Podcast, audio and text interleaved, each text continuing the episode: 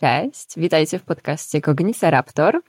E, dzisiaj jest ze mną Kasia, która jest e, nauczycielką śpiewu. Cześć. I porozmawiamy o przekazie emocjonalnym w właśnie śpiewie. Kasia, mam do ciebie takie bardzo banalne pytanie. Dlaczego śpiewamy? Jak, jak to się zaczęło?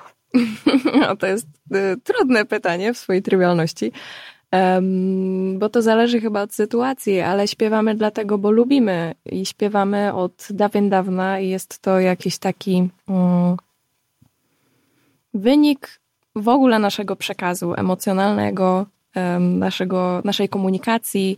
E, jasne, że mamy mm, też mowę, ale śpiew y, no, jest obecny Mm, i u zwierząt, i u nas y, ludzi. Y, I jest takim czymś, co wykształciliśmy i dla własnej rozrywki, jak wszyscy wiemy, ale też niejednokrotnie jest nam potrzebny do y, czy uregulowania tych naszych emocji, czy tworzenia więzi.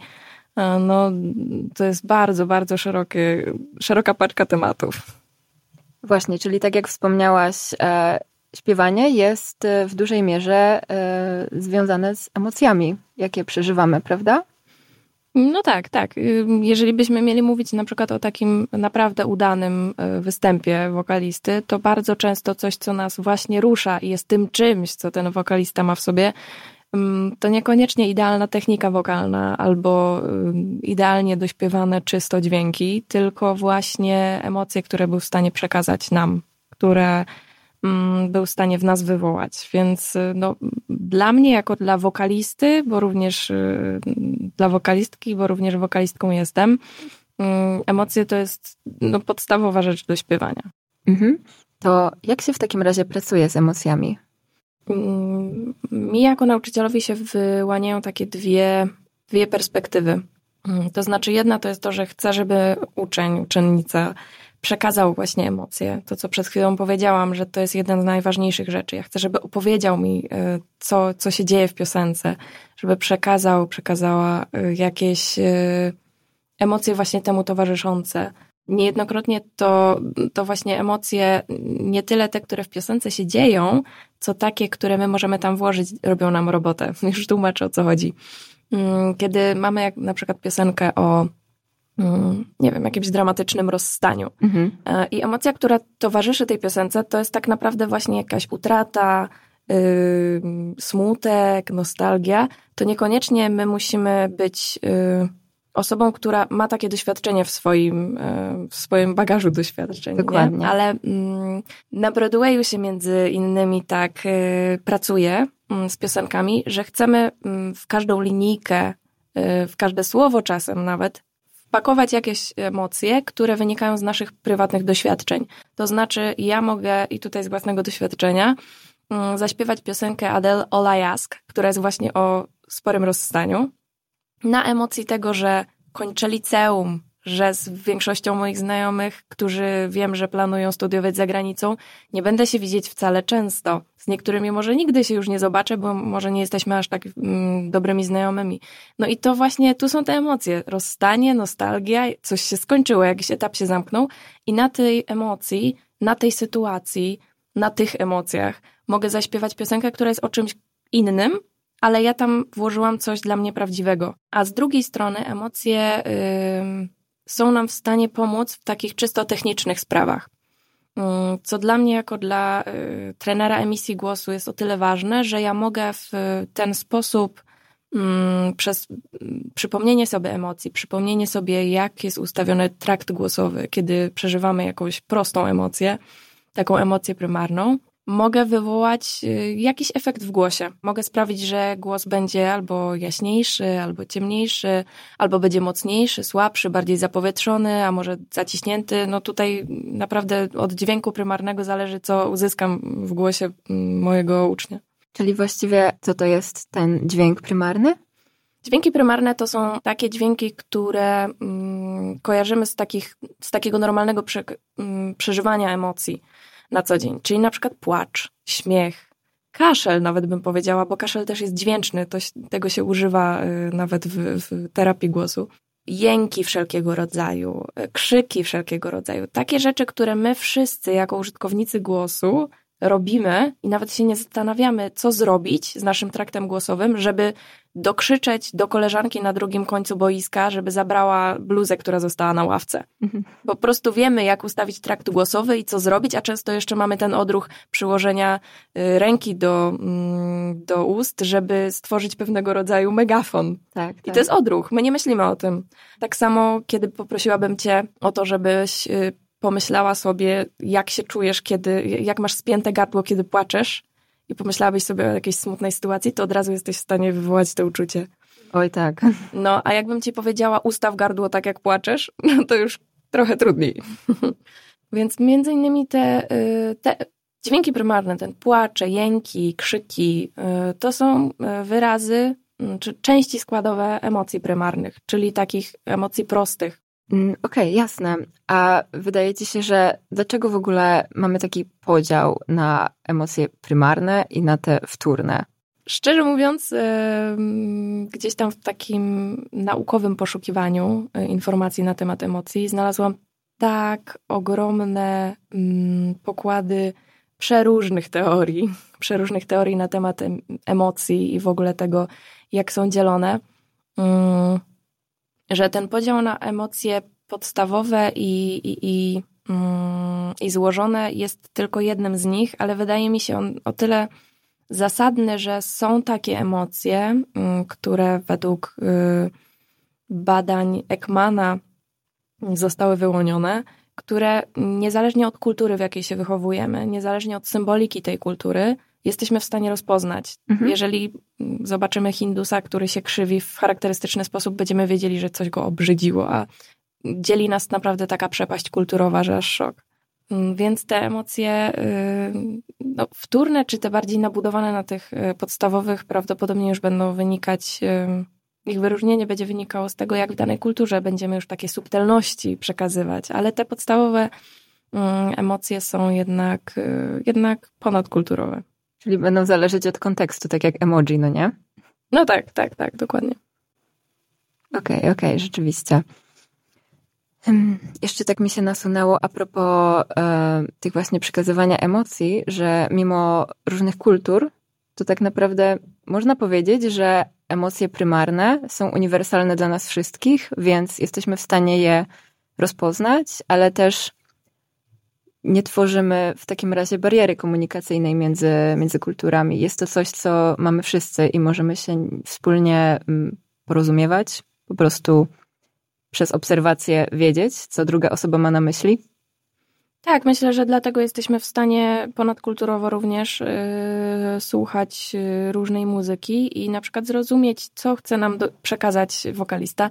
Niejednokrotnie słuchając muzyki, której języka po prostu ym, nie znam. Na przykład bardzo lubię Salvadora Sobrala. Mhm. On, w, on w 2017 roku wygrał Eurowizję. Nie wiem, może ktoś go pamięta. Przecudny muzyk, jeden z najbardziej muzy muzykalnych ludzi, y, jakich kojarzę. Y, śpiewa po portugalsku. Ja po portugalsku nic nie umiem, ale emocje, które są w tych piosenkach, totalnie do mnie trafiają, mimo że nie wiem, o czym śpiewa często, jeżeli nie sprawdzę tekstu. Też tak mam.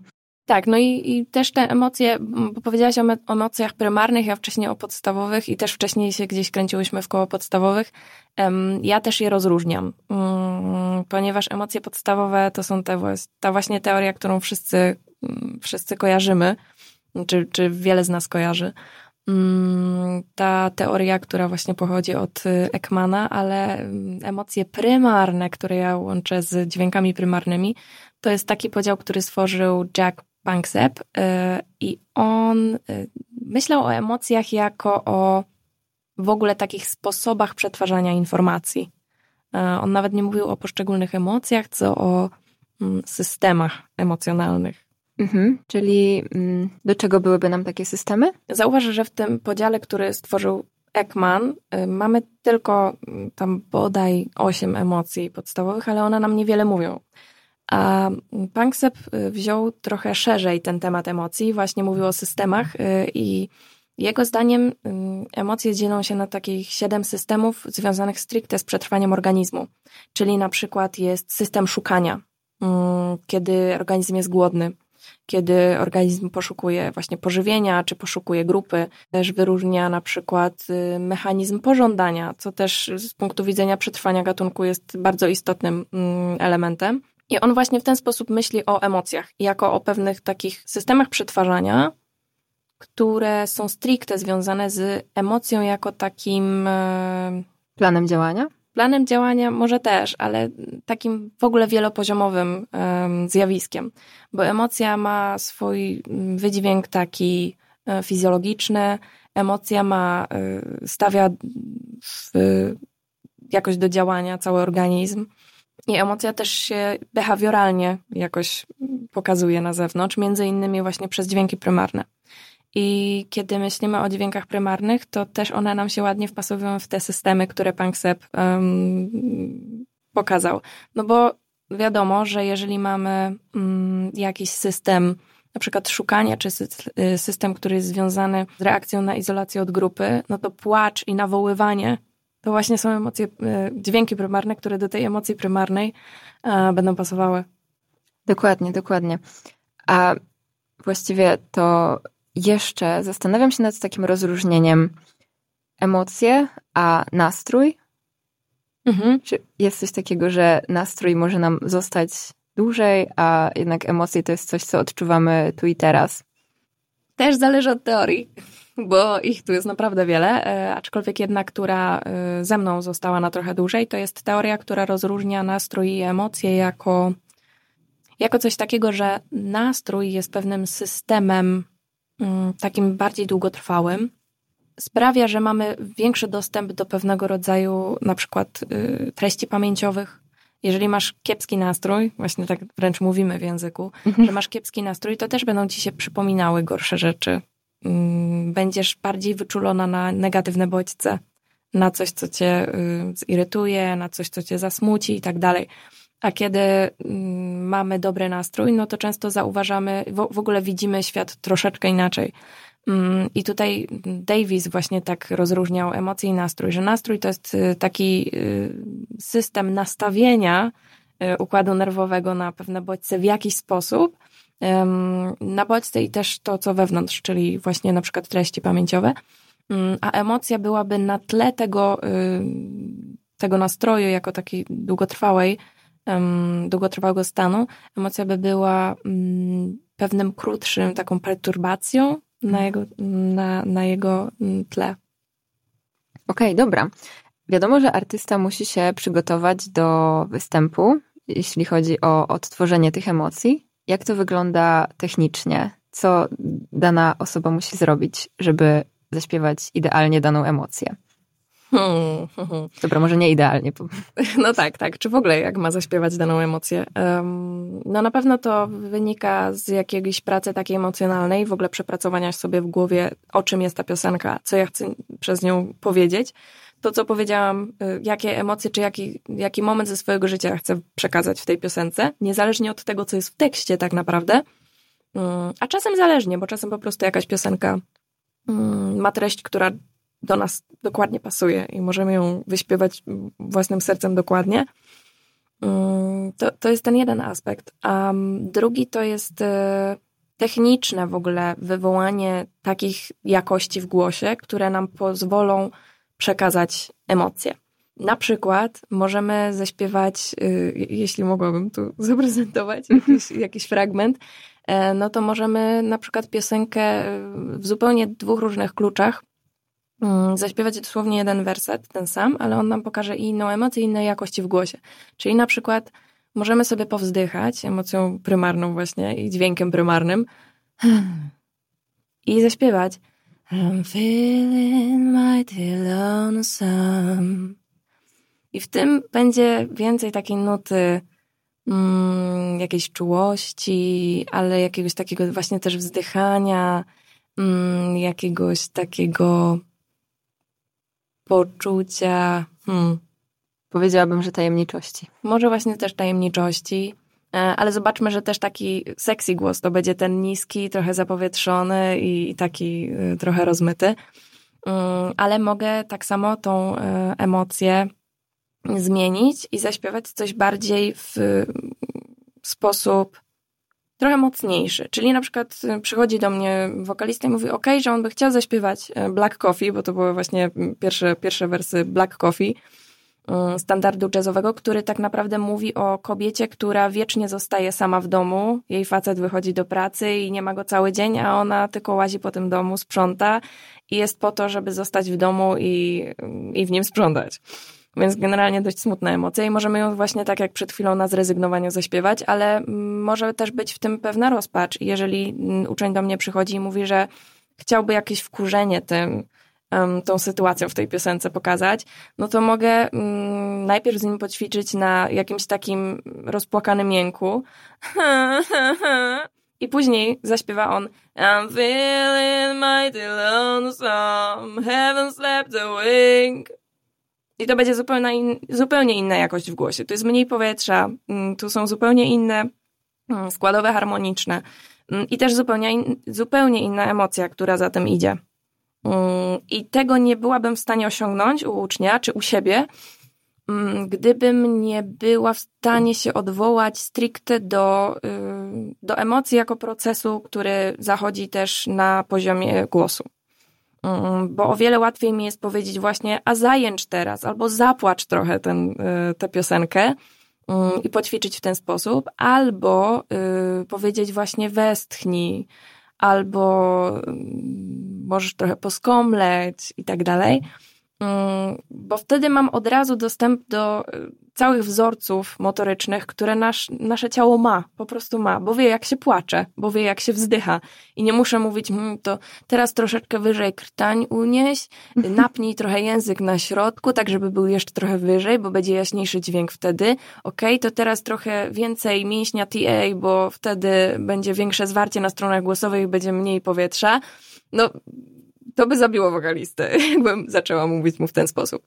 Mm, więc y, w ten, przez dźwięki prymarne, prymarne mamy, mm, mamy dostęp do całych wzorców, całych wyuczonych już przez organizm e, zachowań, które po prostu same się implementują.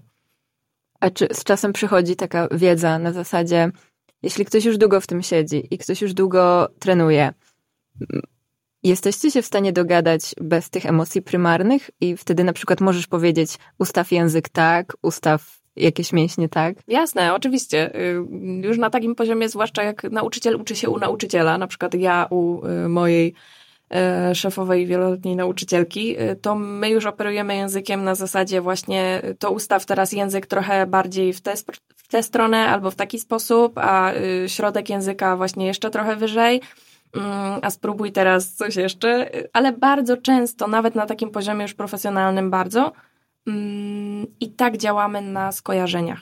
Działamy na skojarzeniach, ale też z taką świadomością, co te skojarzenia robią.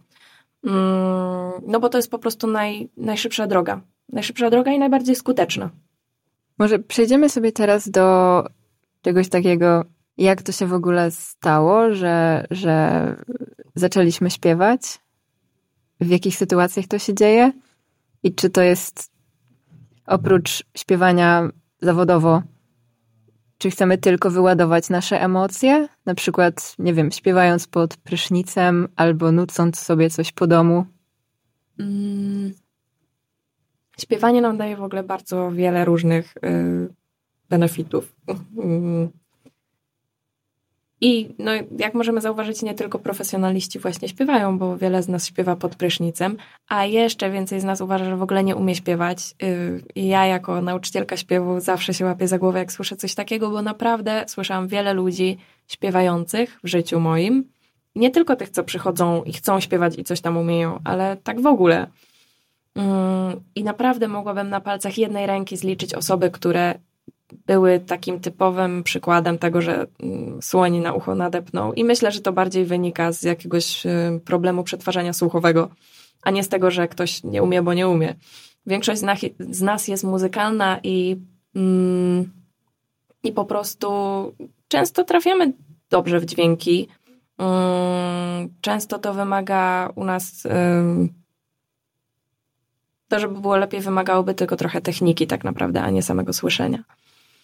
Mm, no i, i wiele z nas z, z umiłowaniem śpiewa właśnie pod prysznicem, czy nuci coś pod, y, pod nosem. Jest to pewnego rodzaju rozrywka. Y, Steven Pinker mówi o pewnym, pewnego rodzaju torcie słuchowym, który, um, który sobie wykształciliśmy właśnie w postaci muzyki. I on mówi o tym, że muzyka jest nam po to, że nasz, um, nasz mózg ją lubi. Właśnie tort słuchowy, czy on w wersji angielskiej tam chyba sernik słuchowy. Opisuje to w ten sposób dlatego, bo stymulację, którą nam daje muzyka, możemy uzyskać z zupełnie innych, z zupełnie innych aktywności. Tak jak na przykład glukozę jesteśmy w stanie utrzymać z bardzo wielu źródeł. No mhm. ale sernik to jednak sernik, nie? Jest bardzo słodki i nasz mózg bardzo się ucieszy, jak go zje. Mm, I to samo e, on mówi o muzyce, jeżeli chodzi o słuch, że muzyka nam daje taki stopień stymulacji, tak szeroką stymulację, że mózg po prostu bardzo ją lubi, a my czasami słuchamy, śpiewamy, reagujemy. Mm, to wynika z takich y, warstw śpiewu i w ogóle muzyki, mm, które są takim socjalnym podłożem tego zjawiska. Chodzi mi o to, że muzyka jest niesamowitym lodołamaczem. E, są badania profesora e, Robina Denbara e, na ten temat Mm, oni pokazali w tych badaniach, że taka grupa amatorów zupełnie, śpiewających w grupie w jakimś domu kultury, mm, o wiele szybciej uzyskała jakieś takie mm, poczucie wspólnotowości, mhm. taką, takie poczucie przy, przynależności, niż grupy, które robiły inne rzeczy wspólnie przez ten sam okres czasu. Tam chyba robili jakieś takie... Mm, Robótki ręczne. Coś takiego, jakieś takie craft work właśnie. Mm. I okazuje się właśnie, że muzyka i śpiewanie wspólne, bo to był chór bodajże, mm, sprawiła, że o wiele szybciej ci ludzie stali się grupą. Więc to pokazuje, że, że muzyka też nas potrafi bardzo szybko i taki czynny w niej udział, bo jasne, że Mm, że jak jesteśmy na koncercie, to, to ten efekt może być ciut y, mniejszy, chociaż czujemy poczucie wspólnotowości z innymi ludźmi, którzy są w grupie i, mm, i śpiewają razem z nami i razem z artystą, ale kiedy tworzymy muzykę razem, kiedy jesteśmy tym chórem, jesteśmy tym zespołem, to o wiele szybciej te więzy jakoś się zawiązują. Mm, no i to jest właśnie ten taki socjalny wymiar muzyki. Tak samo muzyka jest y, wszechobecna mm, w różnych kulturach, y, jeżeli chodzi o kołysanki i kontakt z dzieckiem. Mm, a z tego, co też udało mi się wyczytać, takie kołysanki właśnie śpiewane przez rodzica, czy w ogóle mm, człowieka żywego, nie puszczone y, jako jakieś nagranie, dają realne fizjologiczne, mierzalne efekty y, na takich odczuciach noworodków. Noworodki są spokojniejsze, kiedy się do nich śpiewa. I ten efekt utrzymuje się o wiele dłużej niż wtedy, kiedy puścimy im na przykład Vivaldiego z magnetofonu. Też się, też się okazuje taki efekt, um, ale nie utrzymuje się tak długo, jak to żywy człowiek śpiewa dziecku.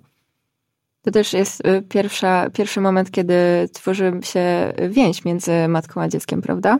Tak, bo dziecko y, pierwsze co w ogóle z języka tak słuchowo rozpoznaje z takiej komunikacji naszej, to jest właśnie taki zarys melodyczny.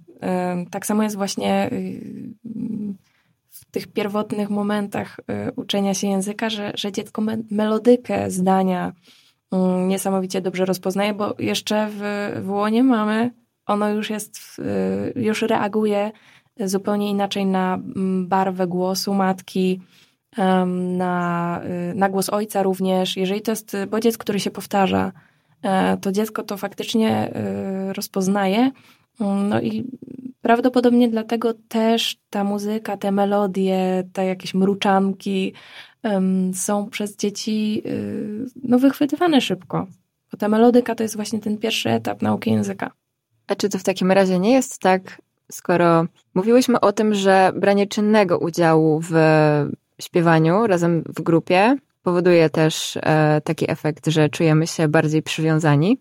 Ale czy w takim razie odtwarzając sobie muzykę i śpiewając albo po prostu słuchając tego, co inni śpiewają w słuchawkach, nie mamy czegoś na zasadzie na mniejszą skalę, ale jednak też wprawia to nas w lepszy nastrój albo po prostu nasz komfort psychiczny w jakiś sposób wzrasta. Być może. Y, y, ja jestem dumnym posiadaczem y, prawie 25 tysięcy minut na Spotify'u, jak mi ostatnio Spotify Wrapped pokazało. Więc jestem na pewno dobrym, dobrym przykładem człowieka, który słucha niesamowicie dużo muzyki gdziekolwiek, gdziekolwiek jest i cokolwiek robi. Mm.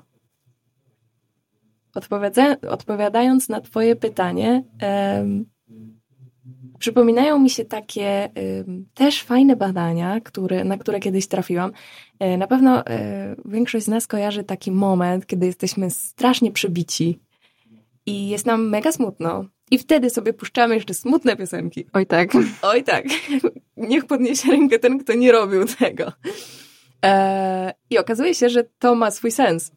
To ma swój sens, ponieważ e, właśnie, właśnie odpowiadając na Twoje pytanie, czy zachodzi ten efekt, on zachodzi, e, bo my się w jakiś sposób też e, mm, kontaktujemy, to nie jest dobre słowo, ale utożsamiamy, tak jakby dochodziło trochę do kontaktu między nami a artystą, który śpiewa.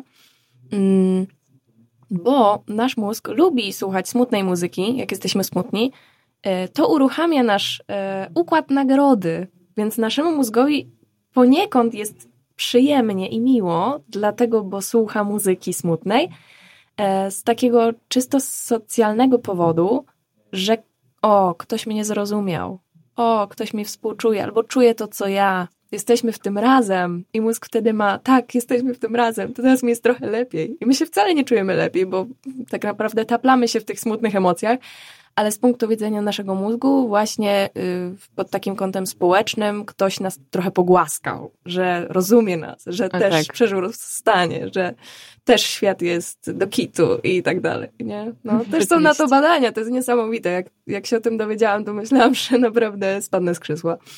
E, no bo każdy to robi prawie, każdy gdzieś tam w swoim życiu. Ale jak jesteśmy radośni, to też raczej y, puszczamy muzykę, która y, ma ten sam vibe, ma ten sam przekaz, nie? No, tak, dokładnie. To strach pomyśleć, co robią ludzie, którzy słuchają disco polo. Dobre pytanie. Dużo jest też playlist, które są tworzone tematycznie, to znaczy mają dokładnie ten sam vibe, ten sam nastrój. Na przykład do jeżdżenia samochodem puszczasz sobie inną playlistę, a do uczenia się jeszcze, jeszcze inną, żeby się skupić. No tak. A co ciekawe, te takie efekty, które zachodzą, kiedy rozpoznajemy emocje, to o czym mówiłam, jeżeli chodzi o dźwięki prymarne. Bo dźwięki prymarne dają nam pewne takie jakości akustyczne. To, co pokazałam i zaśpiewałam, mhm. było słychać różnice. Um, i, I że nasze emocje mają takie rysy akustyczne, to też również było badane. Um, ale co jeszcze właśnie ciekawe, to to samo zachodzi, czy to samo mm, w trochę mniejszej skali, czy trochę z mniejszym takim efektem, ale to samo zachodzi w muzyce instrumentalnej. Muzyka y, również, jak się przyrówna y, właśnie takie typowe rysy akustyczne y, emocji, jako takiego wokalnego, ty, tych wokalnych elementów emocji, mm, jak to przyrównamy do y, różnego rodzaju utworów, które mają, słyszymy jakiś rys emocjonalny, nie? Och, ten utwór jest smutny, mm, ten jest taki po prostu aż żal bije, a ten jest bardzo radosny, to, to też ma swoje powinowactwa z tym, jakbyśmy to przekazali wokalnie. To jest niesamowicie ciekawe, bo to gdzieś się ukrywa pod tym, że y, barwa jest zupełnie inna, bo nagle grają skrzypce, a nie śpiewa człowiek. Mhm. Y, harmonia robi tutaj też dużą robotę, ale jednak gdzieś tam pomiędzy tym instrumentalnie również te procesy zachodzą. To jest niesamowite jak głęboko w nas to siedzi. No tak, bo można powiedzieć, że naszym instrumentem jest właśnie aparat mowy, czyli też. Oczywiście. Kocham tak myśleć o głosie, naprawdę. No to może jednak on, ten nasz głos to był w jakiś sposób e, system obronny w dawnych czasach. Myślę, że też. To, to jest właśnie coś, o czym, o czym nie powiedziałyśmy. To, że dźwięki bywały odstraszaczem, e, zwłaszcza kiedy człowiek był już zszedł z drzewa, już nie był na, na tych etapach, kiedy naszego rozwoju, kiedy, kiedy już przestaliśmy żyć na drzewach, a y, jednak zaczęliśmy żyć na, na, na lądzie per se, e, no to byliśmy wystawieni na bardzo wiele czynników, drapieżników i tak dalej. No i wtedy tak na pierwszy rzut oka wydawanie zbyt wielu dźwięków nie jest dobrą strategią, bo zwraca się na siebie uwagę. To widać przy ptakach, które y, siadują i na drzewach, i na ziemi. Y, kiedy są na drzewach, wydają o wiele więcej wokalizacji niż kiedy są na ziemi. No ale człowiek jednak y, w dużych grupach, jako jedno z narzędzi obronnych, prawdopodobnie stosował robienie dużego hałasu, właśnie śpiewania, synchronicznego, bo żeby zrobić duży hałas i żeby duży taki e, impact dźwięku był naokoło, no to, to trzeba było sporo ludzi, którzy równocześnie na przykład śpiewali to samo, wyli to samo, jęczeli to samo, wystukiwali to samo. Mm, to wtedy daje taki, takie duże poczucie ogromu, a Pamiętajmy też, że wysokość dźwięku choćby często nam wskazuje na posiadacza tego głosu, który ten dźwięk wydaje, no bo mysz jednak ma bardzo wysoki głosik, mhm. a ogromny niedźwiedź będzie ryczał dość nisko. Dokładnie. Mam jeszcze takie e, neuro, neurologiczne, neuronalne pytanie. Która część mózgu odpowiada za wokalizację? Hmm. To jest trudne pytanie, bo nie wiem, czy byśmy mogli wyróżnić taką jedną część, bo to jednak sieciowo się dzieje. Ale jeśli chodzi o emocjonalne lokalizacje, takie stricte związane właśnie na przykład z dźwiękami prymarnymi, um, to jest taka jedna kluczowa struktura, która nazywa się bardzo urokliwie istota szara okołowodociągowa. Um, i istota szara okołowodociągowa, my niestety nie mamy ładnego skrótu po polsku na tę strukturę, bo po angielsku jest PAG od Aqueductal Gray. Mm-hmm. To jest takie miejsce w mózgu, które y, na ludziach było śródoperacyjnie badane, z tego co wiem, ale główne odkrycia na jego temat y, wykonano na kotach i y, świnkach morskich. Mianowicie, kiedy się uszkodzi te okolice, u ssaków w ogóle, to nie jest możliwe jakiekolwiek wydanie z siebie dźwięku takiego typowo emocjonalnego. Na przykład um, odizolowane od matki kocięta z uszkodzoną e, istotą szarą okołowodociągową nie były w stanie właśnie piszczeć czy miauczyć w ten charakterystyczny, nawołujący sposób. No i właśnie z tego, co, y, co pokazują badania, u nas również ta okolica jest y, mocno zaangażowana w takie przetwarzanie emocjonalne i między innymi właśnie w y, całe wzorce ruchowe, te, o których mówiłam, to, co uruchamiamy, kiedy pomyślimy sobie, jak mi się spina gardło, jak płaczę. Mm, to, to właśnie istota szara okołowodociągowa, która jest elementem mózgu podkorowym, która mm, bierze udział w takim bardziej odruchowym niż wolicjonalnym mm, działaniu, daje nam efekty y, całych poruszania się całych grup mięśni, na przykład mięśni oddechowych czy mięśni związanych z krtanią. Mm, no i ona też y, jest w ścisłej współpracy z mm, jądrem zadwuznacznym, które z kolei y, bierze udział w takiej bardziej wolicjonalnej kontroli głosu. To znaczy, że jeżeli chcę trochę podnieść właśnie to, co przed chwilą zrobiłam, podnieść trochę mhm. Mm, moją krtań, to mogę to zrobić, bo chcę. Jeżeli chcę ją obniżyć, to też to zrobię. Um, I tak dalej. Więc to, to między innymi właśnie jądro zadwuznaczne. Um, I niesamowite jest to, że one, będąc w takiej ścisłej współpracy, um, mogą na siebie nawzajem wpływać. Um, I najprościej mogę wywołać jakieś, jakąś fajną wokalizację poprzez emocje, ale jednocześnie ją trochę zmodyfikować, bo mam jednak kontrolę nad tymi y, mięśniami i w krtani, i w, y, w okolicach tutaj oddechowych i tak dalej. No więc to jest, to jest bardzo szeroki temat, ale istota szara okołowodociągowa to jest na pewno jeden z kluczy. Skoro mówiłaś o kotach, które nie mogą płakać za mamą, czyli ta istota szara okołowodociągowa nie ma związku z emocjami pozytywnymi? Mm, na pewno jest mocno związana z emocjami negatywnymi. Tu widać pewną taką dysproporcję, ale dlatego, bo um, Prawdopodobnie dlatego, że my w ogóle jesteśmy wyczuleni na bodźce negatywne o wiele silniej, bo jako organizmy musimy się przede wszystkim bronić przed rzeczami różny, różnego rodzaju, co na nas czyhają okay. w świecie, więc y, faktycznie widać taką dużą korelację z bodźcami negatywnymi i z emocjami negatywnymi, takimi właśnie jak jakieś nawoływanie, ale takie rozpaczliwe, y, jak y, warki wszelkiego rodzaju, czy, warczenie wszelkiego rodzaju, czy w przypadku kotów raczej y, syczenie takie charakterystyczne. Ale to nie znaczy, że pag nie ma związku z emocjami pozytywnymi, ponieważ bardzo dużo też takich dźwięków związanych z satysfakcją również jest y, przetwarzanych przez pag. Więc myślę, że ta dysproporcja, którą można gdzieś w literaturze znaleźć, w stronę emocji negatywnych wynika właśnie z tego, że, że nasz mózg jest po prostu wyczulony na to, co niebezpieczne. Mm, tak, i to nie jest na pewno tylko widoczne w emocjach, to jest też widoczne w, nie wiem, selekcjonowaniu informacji, Oczywiście. które do nas trafiają. Tak. Albo, że Polacy lubią narzekać. No bo to się łączy z tym, że emocje się ukrywa, da, da się ukryć te emocje, albo ich się nie da ukryć.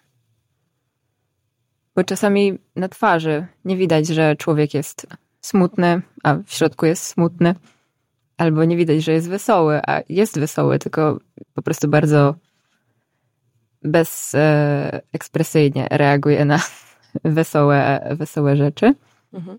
Czasami, jeśli zadrży nam głos, bo się denerwujemy, to będzie to bardzo widoczne i będzie to trudniejsze do opanowania, niż gdybyśmy próbowali opanować tylko przerażenie na twarzy. Możliwe, że tak. Y, często jest nam łatwiej przyjść i się uśmiechnąć i powiedzieć, że wszystko jest ok, a to właśnie na to, jak powiemy, tak, wszystko ok. Mhm. Ktoś zareaguje, ej, ale powiedz, co się stało. I często to jest po prostu cała, mm, cała grupa takich symptomów, które my pokazujemy, tak? Bo możemy się uśmiechnąć, ale to nie będzie prawdopodobnie aż tak bardzo szczery, radosny uśmiech i śmiejące się oczy, jak w przypadku faktycznej radości.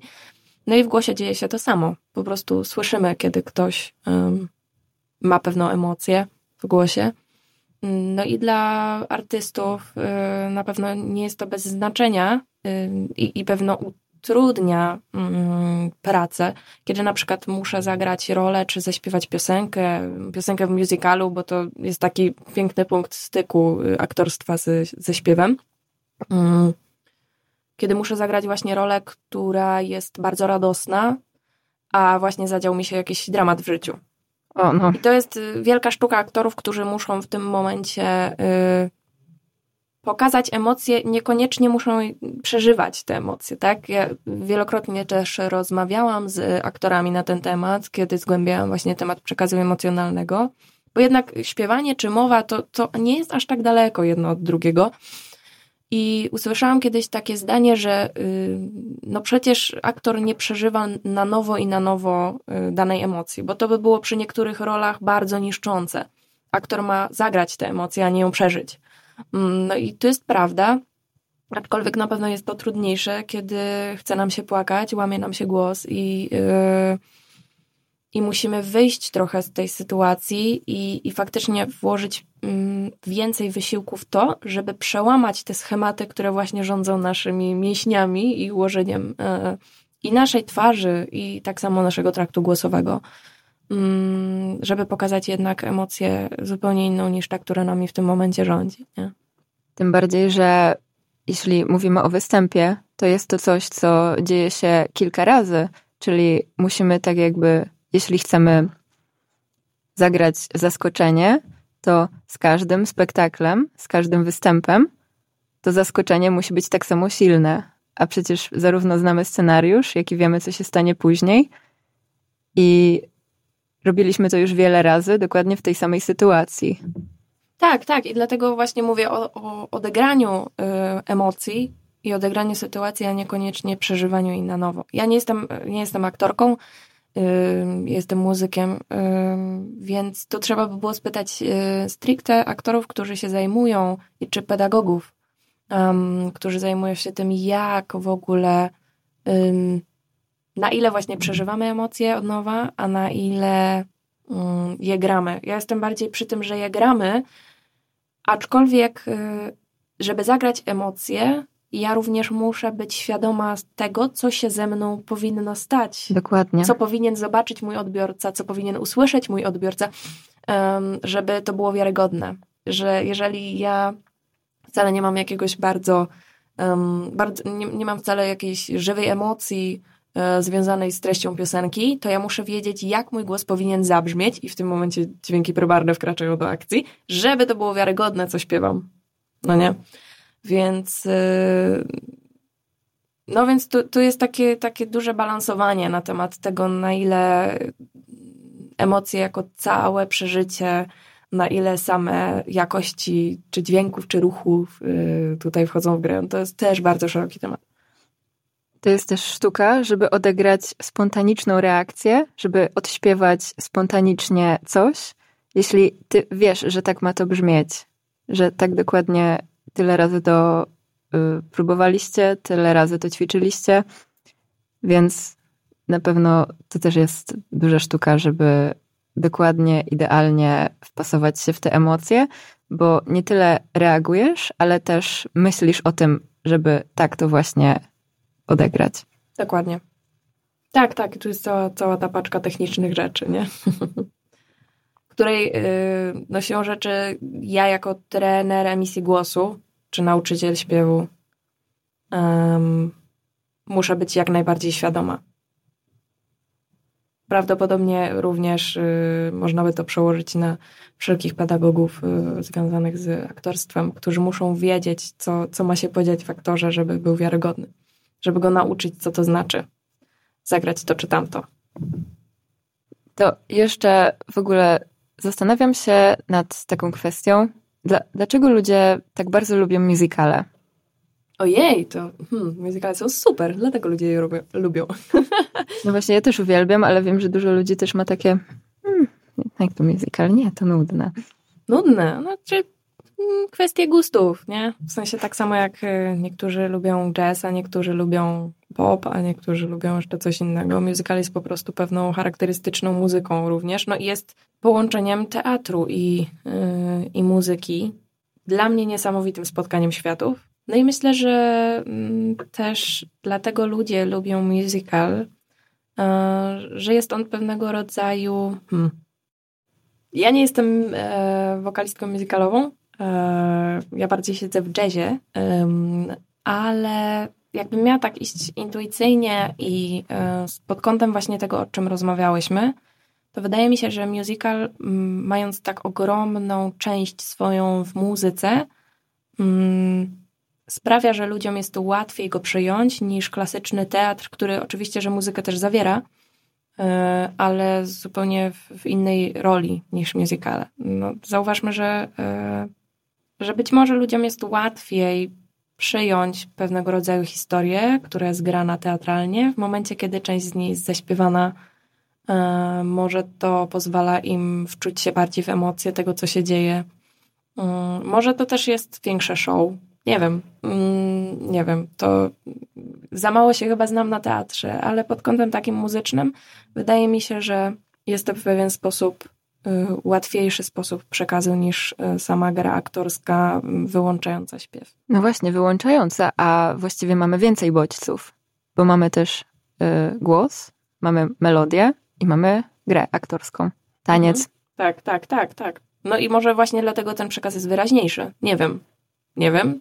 Nie wiem. Jak mówię, nie znam się na teatrze, ale, ale właśnie być może dlatego, że to wszystko, zauważmy, jest dużo elementów, ale one są raczej spójne. Mm, Nawet one, czasami rymowane. Nawet czasami rymowane. Um, ale tam wszystko, y, wszystko idzie w pewien zsynchronizowany sposób, pokazując jakąś czy emocję, czy sytuację, czy przekaz. Um, ja też nie jestem jakąś bardzo częstą bywalczynią teatrów muzycznych, Mm, chociaż z, tej, z tego miejsca pozdrawiam wszystkich moich znajomych, którzy studiują musical. Mm, ale przychodzą mi do głowy raczej musicale e, takie komediowe, Mhm. Więc e, nie wiem, czy też mam aż taką duże, takie duże zaplecze doświadczenia, żeby mm, wypowiadać się o, o, o wielu z nich, bo przecież musical też potrafi być dramatyczny, ale może właśnie przez tę warstwę muzyczną trochę bardziej wyraźny dla zwykłego widza. Okej, okay. E, wydaje mi się, że mogłybyśmy tak gadać dobre jeszcze trzy godziny, ale nie chcę za bardzo przeciągać i dawać tylu godzin do odsłuchania naszym słuchaczom. Więc e, chciałabym Ci krótko podziękować dzisiaj za rozmowę. Było mi bardzo miło, naprawdę. Mi również. Super było pogadać z kimś, kto ma tak wiele rzeczy i tak ogromną wiedzę i że przedstawia ją w tak przystępny sposób. Cieszę się bardzo. Przy mikrofonie Zuzanna Zdańkowska, a naszą gościnią była dzisiaj Kasia Mazur. Dzięki. Co fly me? Czy... Okej, okay, tak, fly me. Fly me to the moon and let me play among the stars. Let me see what spring is like on Jupiter and Mars. In other words, hold my hand. In other words, darling, kiss me. Super, dobra. Kończymy. Tak, zdecydowanie. Światowit. Dzięki.